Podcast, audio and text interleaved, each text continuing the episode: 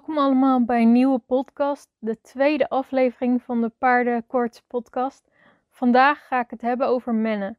Zoals jullie in de vorige podcast hadden gehoord, ben ik een menner en ik vind het echt super leuk om te doen en eigenlijk ook wel leuker dan rijden. Ik ga jullie vandaag meer vertellen over het mennen, zoals de benodigdheden, verschillende aanspanningen, verschillende disciplines en de groom. Zelf ben ik door mijn verkochte Shetlanders in aanraking gekomen met het mennen. Ik was te groot om erop te rijden en ik ging nadenken wat ik dan beter met ze kon gaan doen. En toen dacht ik, nou, wat is leuker dan mennen? En toen dacht ik, nou, dat mennen, dat uh, lijkt me wel wat. Laten we dat gaan proberen. Uh, ik heb ze toen zelf beleerd met wat ik op internet kon vinden. En dat was eigenlijk bijna niks en super weinig. En ik raad niemand aan om, dat, om je pony zo te beleren voor de wagen, want het had heel fout kunnen gaan. Maar gelukkig is bij ons alles goed gegaan. En uh, ik raad altijd aan om iemand met verstand erbij te halen. Ik begon dus met de Shetlanders en uiteraard had ik in het begin niet de allerbeste spullen, wel gewoon veilige spullen. Want dat is altijd zeer belangrijk. Maar het werkte en je moet ergens beginnen beginnen. Nu ben ik aan het mennen met Jero, die ik in 2019 zelf heb beleerd en waar we nu lessen en wedstrijden mee rijden. Het plan is om Tasja dit jaar te beleren voor de wagen en uiteindelijk als Wik oud genoeg is, uh, wil ik ze in twee span hebben en dan daar ook wedstrijden mee rijden. het is alleen een beetje de vraag of Tasja en Wik dezelfde grootte worden, uh, maar daar kom ik later nog op terug waarom. Men is dus het rijden met paard en wagen en voordat we auto's en vrachtwagens hadden, werd dit gebruikt voor vervoer van goederen en personen. Nu is het voor velen een hobby of hun werk. Je hebt nationale en internationale wedstrijden. Ik ga het veel hebben over de nationale wedstrijden, wedstrijden omdat ik daar ervaring mee heb. En helaas niet met internationale wedstrijden. Lijkt me wel super gaaf natuurlijk. Je hebt verschillende onderdelen en disciplines waarin je wedstrijd kan rijden, namelijk dressuur, vaardigheid, marathon en mini-marathon. Hier ga ik later nog meer over vertellen. Mijn mening is dat elke ras geschikt is voor het mennen. En dat zie je ook. Je ziet op wedstrijden zie je Shetlanders, Tinkers, Fjorden, KWPN'ers, Dravers, noem het maar op. Je moet alleen wel kijken of je paard het leuk vindt. Want misschien niet ieder paard vindt het leuk. Met Jero hebben we eerst gekeken of hij het leuk vond. En hij vond het leuk. Dus ja, nu zijn we verder gegaan. Hij is een draver. En hij is niet de enige draver natuurlijk voor de car. Maar er zit een verschil tussen de drafsport en het mennen. Dravers zijn eigenlijk gefokt voor de drafsport. Maar zelf vind ik dit niet leuk. En ik denk dat Jero dit ook niet leuk vindt. Uh, en hij is een dressuurdraver. Dus dan is het mennen ook leuker om te doen. Dus wij gaan, zijn lekker aan het mennen. En ook daarin zie je meer dravers voorbij komen. Je hebt bijvoorbeeld een tweespan dravers die veel meedoen met mini-marathons. Alleen volgens mij hebben die wel gekoerst. Want ik heb wel eens gehoord dat de eigenaar had gezegd van ja, zodra ze in galop zijn, uh, ben ik ze kwijt. Dus ze mogen eigenlijk alleen maar draven. En Jero die kan ook gewoon heel goed galopperen voor de wagen. Uh, je kan wel zeggen dat het niet helemaal een draver is, om het zo te noemen. Omdat hij toch meer uh, dressuur opgeleid is. Paarden en ponies zitten in aparte rubriek bij de wedstrijden. En dan heb je ook nog een onderverdeling qua aanspanningen. Je hebt enkelspan, tweespan, tandem, vierspan. En recreatief eh, zie je ook nog wel eens een klavertje 3 voorbij komen. Mijn ervaring zijn enkelspan Shetlander, enkelspan Draver. Ik heb ook nog wel eens een Fjord voor de wagen gehad. Tweespan Shetlander en ik heb zelfs tandem met de Shetlanders gereden. Je hebt bij het mennen ook nog dat er geen E-ponies bestaan. Shetlanders en A tot met D-ponies vallen onder de categorie ponies. En E-ponies en paarden horen bij de paarden. Ik zei net al even dat er gekeken moest worden of Tasja en Wik uiteindelijk in tweespan uh, kunnen. Dit is omdat wij denken dat Wik groter dan 1,48 gaat worden. En Tasja is op het moment 1,45, 46. Dus het is de vraag of Tasja nog uh, boven die 1,48 gaat komen. Je mag niet een paard en een pony voor de wagen hebben in twee span. Het moet of allebei ponies zijn of allebei paarden. Maar anders dan ga ik gewoon uh, met allebei in het enkelspan rijden. En wie weet komt er dan misschien ooit een, nog een derde fjord bij. Uh, Jero is een E-pony van 1,55. Dus hij hoort bij de paarden.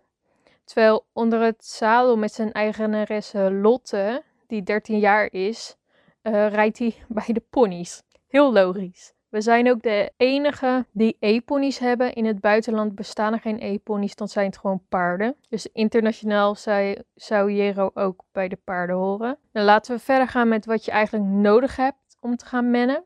Het eerste waar je aan denkt is natuurlijk een paard of pony, een wagen en tuig. En dit zijn inderdaad de hoofddingen die je nodig hebt, maar je hebt nog veel meer nodig. Qua tuig heb je echt super veel verschillende soorten merken, maar ook heel veel verschillende materialen. De merken waarvan ik denk dat ze het meest gebruikt worden onder de manners zijn Ideal en Silco. Ze hebben allebei ook nog eens verschillende tuigen van leer en kunststof. Zelf heb ik de Ideal Eurotech combinatietuig. Dit is een tuig van kunststof, maar het ziet eruit als leer. En ook is het een combinatietuig, wat wil zeggen dat er ook nog uh, met andere onderdelen tuig omgebouwd kan worden van enkelspan naar tweespan. En dit tuig had ik ook voor mijn verkochte Shetlanders. Ik had dan twee enkelspantuigen en de onderdelen om ze om te bouwen naar een tweespantuig. En qua onderhoud is kunststof heerlijk. Het kan gewoon schoongemaakt worden met water. Dus je kan hem lekker afspoelen en uh, schoonmaken met een borstel. En dan ziet hij er weer tip-top uit. Als je meer wil weten over de verschillende tuigen van de merken, kan je in de beschrijving van deze podcast uh, de linkjes vinden naar hun sites. Je hebt ook heel veel verschillende soorten wagens. En dan niet alleen in wagens, maar ook in merkenwagens. De meest gebruikte wagen voor wedstrijden zijn marathonwagens en prestatiewagens. Zoals het woord al zegt, is een marathonwagen vooral gemaakt voor de marathons. Ze zijn zo gemaakt dat ze snel door de hindernissen kunnen. En daarvoor zijn ze gebouwd. Maar daarnaast kunnen ze ook gewoon gebruikt worden voor de dressuur en de vaardigheid. De prestatiewagen wordt vaak gebruikt voor de dressuur en de vaardigheid. En deze zijn totaal niet gemaakt om snel door hindernissen te crossen, maar meer om er mooier en chiquer uit te zien voor de dressuur en de vaardigheid. Zelf had ik voor de Shetlanders om enkelspan te rijden een sulky. En deze sulkies waren van het merk HCA Klarenbeek. Dus ook beter gezegd waren het HCA sulkies. Deze worden veel gebruikt voor manners met Shetlanders. En je kan ze qua bouw een beetje vergelijken met draversulkies die ze ook op de renbaan gebruiken. Voor tweespan rijden met Shetlanders had ik een marathonwagen van Poland Carriages. Uh, niet het beste merk, zeg maar. Maar wel gewoon een goed merk voor een mooie goedkope prijs. Goedkoop, dan zeg ik nog dat hij een paar duizend euro was. Maar toch. En voor Jero ben ik op zoek gegaan naar een, ja, een tweedehands marathonwagen voor een leuk prijsje. Want we wisten natuurlijk nog niet of hij het leuk zou vinden. Uh, en een een nieuwe, maar ook tweedehands wagens kan je al gauw duizend tot een paar duizend euro neerleggen. Dus ik heb alles goed in de gaten gehouden van tweedehands sites en uh, advertenties op Facebook, Marktplaats en dat soort dingen. En uiteindelijk heb ik dus een wagen voor 750 euro gekocht. En deze heb ik met mijn vader opgeknapt. Dus uiteindelijk is die wel wat duurder uitgekomen dan 750, maar nog steeds een mooi bedrag. Um, ik ben er blij met deze wagen. Ja, het is niet de mooiste en de nieuwste en dat soort dingen, maar hij doet het goed. En ook onze instructeur vindt het een fijne wagen. Maar naast deze drie basisdingen zijn er ook nog wat kleine dingen waaraan je moet denken.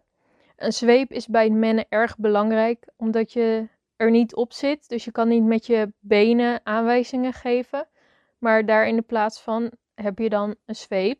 Paarden moeten er wel altijd even aan wennen dat de zweep ook hiervoor gebruikt wordt. Zo dacht Jero zweep is harder moeten gaan. Dus het heeft eventjes geduurd voordat dat niet meer gebeurde met zweep. Zelf ben ik ook altijd met een cap op. Vroeger met de Shetlanders deed ik dit vaak niet als ik thuis ging mennen. En dan ging ik meestal ook gewoon de straat op. Maar ik besefte me later dat een cap niet voor niets bestaat. En dat een ongeluk met een wagen toch wat heftiger is dan onder het zadel. Helaas heb ik dit begin 2020 ook meegemaakt. Met de Fjorde Mary Hanne van Miranda hebben we een ongeluk gehad. Ze was nog groen in het mennen. En het was niet de eerste keer dat we met haar gingen mennen hoor. Maar ze schrok helaas van iets buiten. Volgens mij werd er vuurwerk afgeschoten of zo. En toen schrok ze en toen remde ik. En van dat remgeluid, dat vond ze eng. Dus ging ze er nog meer vandoor. Ze was echt super sterk. En uiteindelijk hadden we er bijna weer terug in draf. En toen kwam er een hond blaffend op haar afrennen. Dus toen ging ze weer. We gingen toen richting een 80 weg. En we hebben er toen voor gekozen om een oprit op te gaan. Maar ze was zo sterk. We hebben met z'n tweeën aan één teugel getrokken. Maar ze wilde alsnog rechtdoor, waardoor we in een soort slootje belanden. Ehm, ja, ik weet niet helemaal precies, maar Hanne zat in de sloot, de wagen zat op de kant en wij zijn van de wagen, Miranda is van de wagen afgelanceerd en ik op het voorste deel van de wagen kwam ik op de grond terecht. Uh, Miranda en ik hadden gelukkig niks en konden meteen naar Hanne toe. Miranda heeft Hanne gerustgesteld en ik heb alles losgemaakt. Helaas moesten we de brandweer bellen om er eruit te halen en die hebben haar eruit getakeld. Hanne was toen ook nog eens drachtig van uh, Racy, die nu inmiddels al negen maanden is, denk ik. Gelukkig was met iedereen goed en kunnen we het allemaal nog navertellen. Want stel we waren toch naar die 80 weggegaan en we zouden daar overheen gegaan zijn en er reden auto's, dan had het heel fout af kunnen lopen. Dus we zijn er heel erg uh, ja, goed vanaf gekomen en ik, daar ben ik ook blij mee. Maar dit is ook weer een les geweest van waarom een cap gewoon heel belangrijk is. Want Miranda en ik zijn ook gevallen. En wat als wij op ons hoofd waren gevallen en niks meer konden? Ja, dan ben je verder van huis. Met wedstrijden is een cap ook verplicht. Je had eerst in de dressuur dat je ook met hoedje mocht rijden. Maar volgens mij is dat nu ook weer veranderd, waardoor je altijd een cap op moet. Bij eh, de wedstrijden rijden gebruik ik zelf ook nog een menschort. Dat is eigenlijk een ja, gewoon een schort voor om je benen. Um, ik vind er heel netjes uitzien op de wagen en in de winter is het ook nog eens lekker warm. Ik vind het netter dan dat je gewoon met je broek erop zit. Het is alsof je een soort ja, rok aan hebt. Ja, ik vind er gewoon heel netjes uitzien. Het is een tijd, lange tijd verplicht geweest uh, met wedstrijden, maar inmiddels al een tijdje niet meer. Net zoals met handschoenen mennen. En over meer regels ga ik het later nog hebben. Dan kan je zelf uiteraard nog ervoor kiezen om onder je tuig onderleggers te gebruiken. Zelf heb ik een schoft en een borstonderlegger voor het tuig van Jero, zodat uh, die hem wat meer beschermt. Ook is het leuk omdat je ze in allerlei kleurtjes kan hebben, uh, net zoals een dekje. En voor Jero hebben we voor de schoftonderleg hebben we een onderlegger met een paars randje en voor de borstonderleg hebben we gewoon een zwarte. Uiteraard kan je ook tijdens het mennen beenbescherming gebruiken en oornetjes, net wat jouw voorkeur heeft. Zelf gebruiken wij geen bescherming, maar wel oornetjes. de oornetjes vinden we mooi en het houdt het geluid een wat meer tegen. Vooral met de mini-marathon staat er altijd lekker hard muziek aan. En dat vindt Jero soms nog wel een beetje spannend. Dan gaan we verder met soorten aanspanningen. Eigenlijk spreekt het wel een beetje voor zich. Enkelspan is één paard voor de wagen, tweespan is twee paarden, vierspan is vier paarden. Een tandem is eigenlijk net zoals een tandemfiets, dus twee paarden achter elkaar. Een klavertje 3 is een combinatie van een tweespan en tandem. Het is namelijk een tweespan die dan zeg maar aan de wagen zit en daarvoor heb je nog één paard lopen, net zoals bij tandem. En dan heb je een uh, klavertje 3. Ik uh, praat nu over paarden, maar voor ponies geldt uiteraard hetzelfde. Enkel en tweespan kom je het vaakst tegen op wedstrijden en rijden de meeste mensen mee. Vierspan en tandem kom je op de nationale wedstrijden veel minder tegen. Um, voor vierspan heb je toch veel meer spullen nodig. En dat is niet voor iedereen uh, haalbaar. En internationaal zie je wel het meest vierspan. Daar is ook hele grote competitie van. En tandem komt minder voor. Ja, de meeste mensen met twee paarden kiezen er toch voor om dan tweespan te gaan rijden. Ik had al verteld dat ik zelf dus uh, ervaring heb met enkelspan, tweespan en tandem.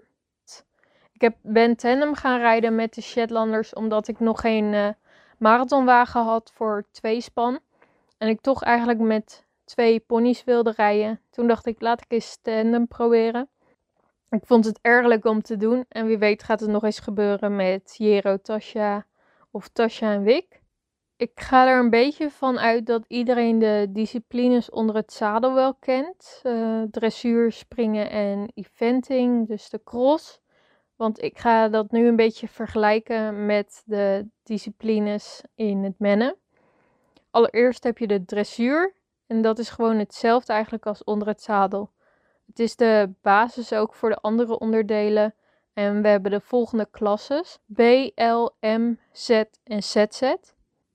In de B rij je voltes, gebroken lijnen, middendraf, paard hals laten strekken, en linksom rechtsom keert, halt houden en overgang van stap en draf. Er zit dus geen galop in die proeven. In de klasse L komen hier de volgende oefeningen bij.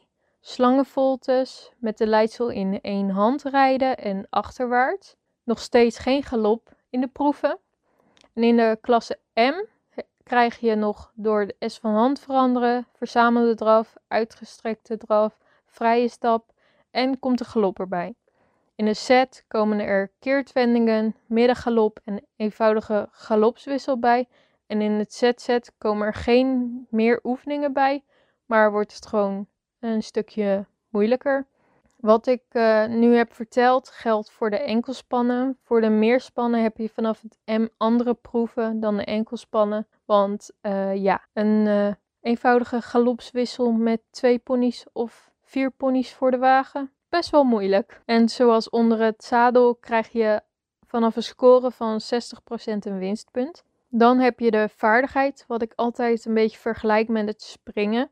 Je hebt net zoals met het springen rij je een parcours op fouten en tijd. Alleen in de plaats van over een hindernis te gaan, rij je tussen pionnen door. Op de pionnen liggen balletjes en je moet zo rijden dat de balletjes er niet opvallen en dat je binnen de tijd het parcours hebt gereden. Met de vaardigheid heb je de volgende klassen: L, M, Z en ZZ. Je hebt dus geen B bij de vaardigheid. Met mijn verkochte Shetlander Rosa ben ik in het enkelspan in het Z beland. En met Vivian in het M met één winstpunt tekort voor het Z.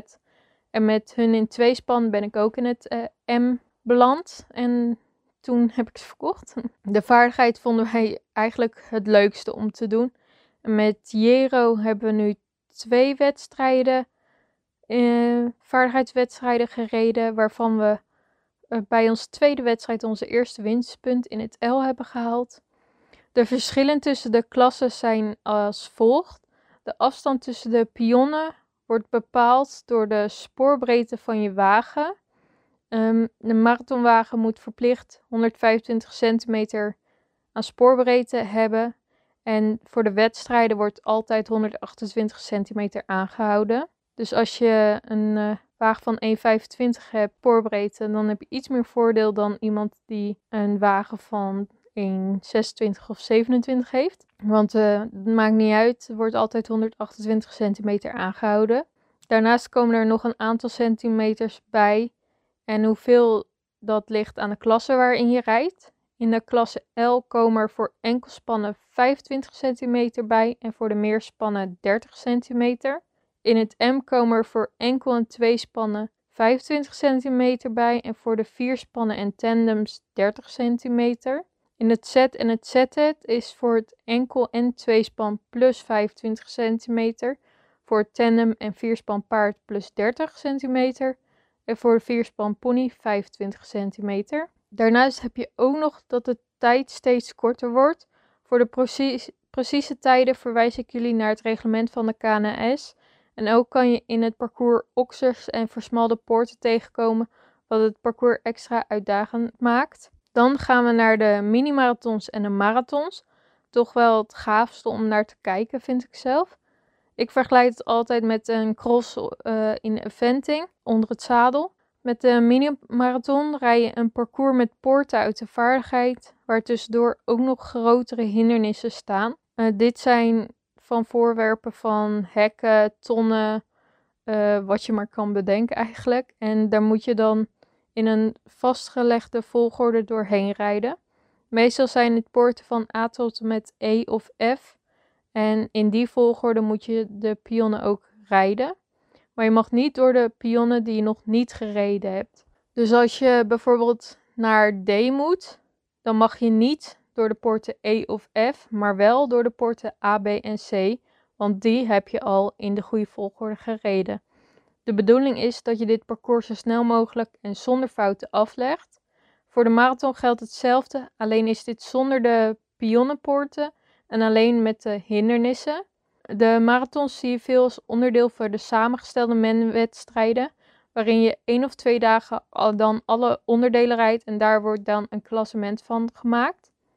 Ik denk dat ik nu wel zo alles heb gehad over de verschillende disciplines. En mochten er nog vragen zijn, dan kan je die altijd stellen op mijn Instagram-account, laagstreepje of via de mail. Ik zal het ook eventjes in de beschrijving zetten. Je hebt ook nog de discipline Mandurance, maar hier heb ik nog nooit aan meegedaan en ik weet er ook weinig over. Uh, ja, je kan het vergelijken met de endurance. En misschien is het wel leuk om een keer iemand hiervoor te uit, te nodigen die er wel uh, meer kennis over heeft. Dus ken jij iemand of ben jij zo iemand, uh, neem dan vooral contact met me op. Dan gaan we het hebben over de groom en die is bij de mannen toch wel heel belangrijk. Vooral bij de mini-marathons en de marathons. Want zij zorgen ervoor dat je kar niet omslaat als je een scherpe, snelle bocht neemt. Bij de dressuur eh, eh, vind ik het ook fijn als iemand je proef voorleest. Want ja, ik ken ze nog niet uit mijn hoofd. Maar uiteraard, als iemand een fout maakt, dan is je eigen schuld. Want je moet ze natuurlijk wel uit je hoofd kennen. En ik vind het ook heel fijn als er gewoon iemand bij is die mij kan helpen met inspannen van de paarden. Want het is toch een beetje moeilijker dan opstappen uh, onder het zadel en het zadel erop leggen en zo. Want je moet de kar aan het paard maken. Het paard wil niet altijd stilstaan. Ja, je zal het waarschijnlijk al voor je zien of ervaring mee hebben. Jero heeft er ook een handje van om niet goed te kunnen stilstaan. Dus uh, daarom uh, zijn Lot en ik meestal uh, samen. Maar gelukkig gaat het al steeds beter. met de dressuur is het in enkelspan niet verplicht om een groom achterop te hebben.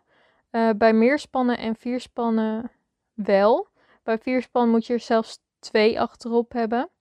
Dit komt omdat je meerdere paarden voor de wagen hebt en dus meerdere handen nodig hebt voor als het verkeerd gaat.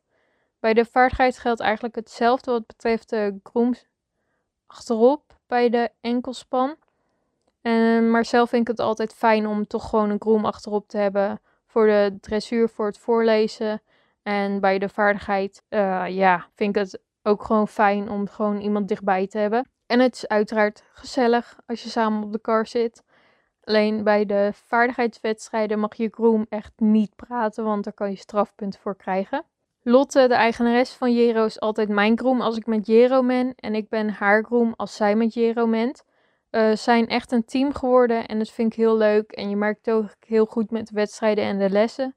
We weten wat we van elkaar verwachten, wat we moeten doen en daardoor verloopt het lekker soepel. Ik hoop dat we dit jaar nog uh, weer kunnen gaan lessen, want de lessen die mogen op het moment niet door de lockdown en wedstrijden mogen al een hele lange tijd niet helaas. Lotte heeft nu sinds dit jaar ook mens startpas, dus uh, laat die wedstrijden maar komen. Ik denk dat ik nu globaal wel alles heb verteld aan jullie. En in de toekomst komen er waarschijnlijk nog veel meer podcasts over het mennen. Want er valt nog genoeg over te vertellen. Maar anders wordt deze aflevering super lang als ik echt alles ga vertellen.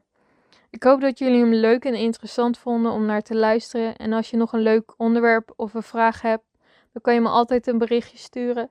Dan tot de volgende aflevering. Doei!